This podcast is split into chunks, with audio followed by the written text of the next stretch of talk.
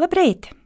Mani sauc Sintīna Stipre, esmu juridisko zinātņu doktore un zinātniskās monogrāfijas Latvijas valsts apbalvojumi, vēsturiskā izcelsme un tiesiskais regulējums autore.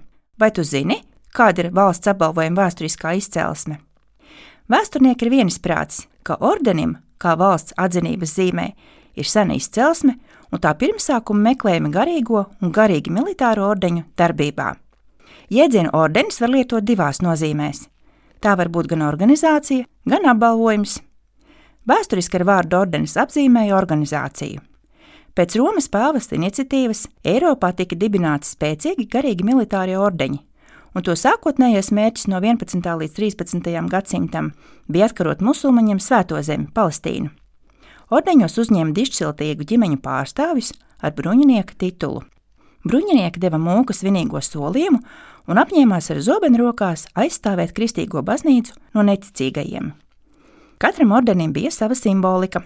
Bruņinieki tērpa mušu atbilstošas formas un krāsas krustu, kas apliecināja piederību konkrētajai brālībai.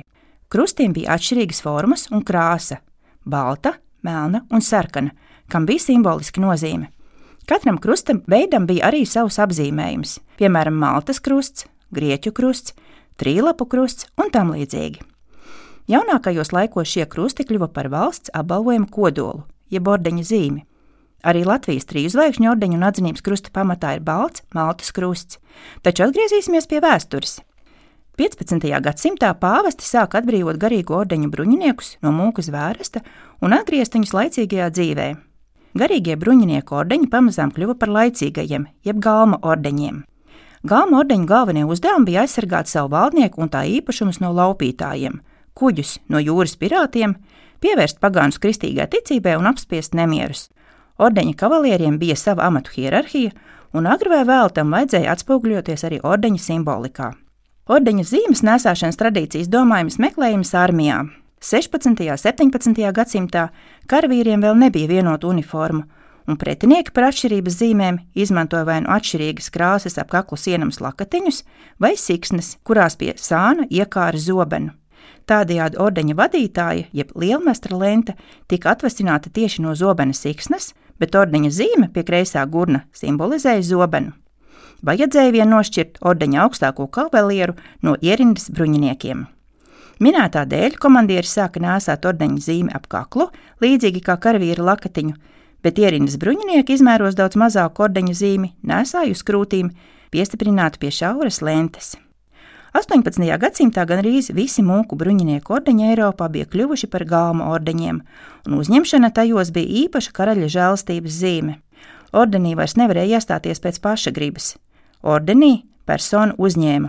No šī principa līdz mūsdienām ir nonākusi arī paraža, ka nevienam nav tiesību pašam lūgt sevi apbalvot.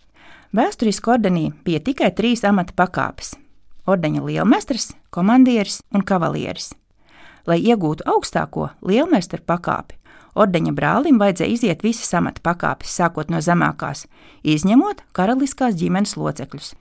Sākumā personai tika piešķirta ordeņa kavaliera pakāpe, un tās zīme bija jānāsā piestiprināta īpašā cilpiņā uz krūtīm. Par sevišķiem nopelniem valsts vai ordeņa vadītāja labā ordeņa kavalieris varēja saņemt paaugstinājumu, kļūt par ordeņa komandieri. Tādā gadījumā kavaliera krūša zīme bija jānodod ordeņa domē atpakaļ, un pretī tika izsniegta ordeņa komandiera zīme, ko nēsāja lentē ap kaklu. Visbeidzot, izpelnoties augstāko ordeņa lielmestra pakāpi, persona ordeņa zīme stiprināja pie plates pār plecu pārliktas lentes uz kreisā gurna, kur vēsturiski atradās zobens.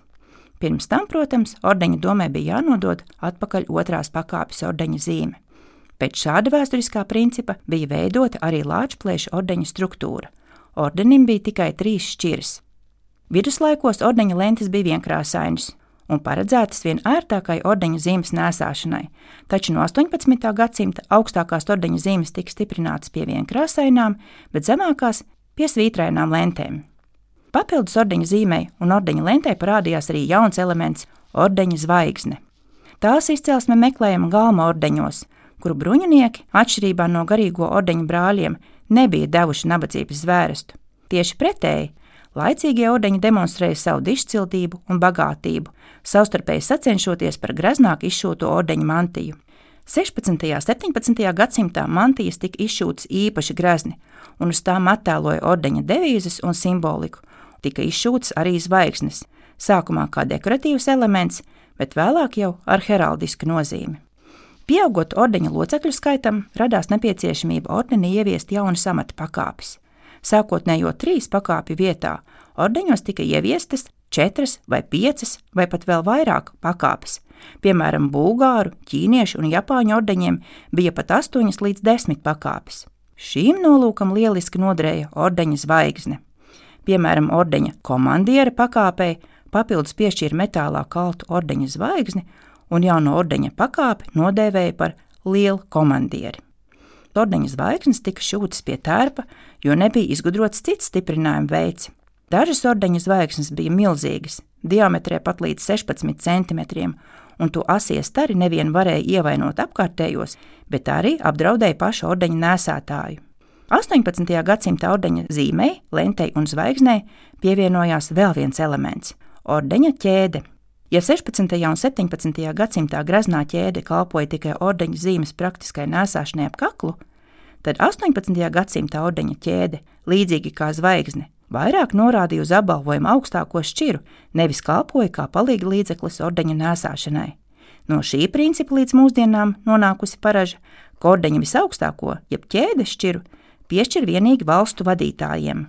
18. gadsimtā ordeņus kā dāvinājumu un cieņas apliecinājumu cit citam sāka piešķirt arī valstu vadītāji, un šī tradīcija ir saglabājusies pat līdz mūsdienām.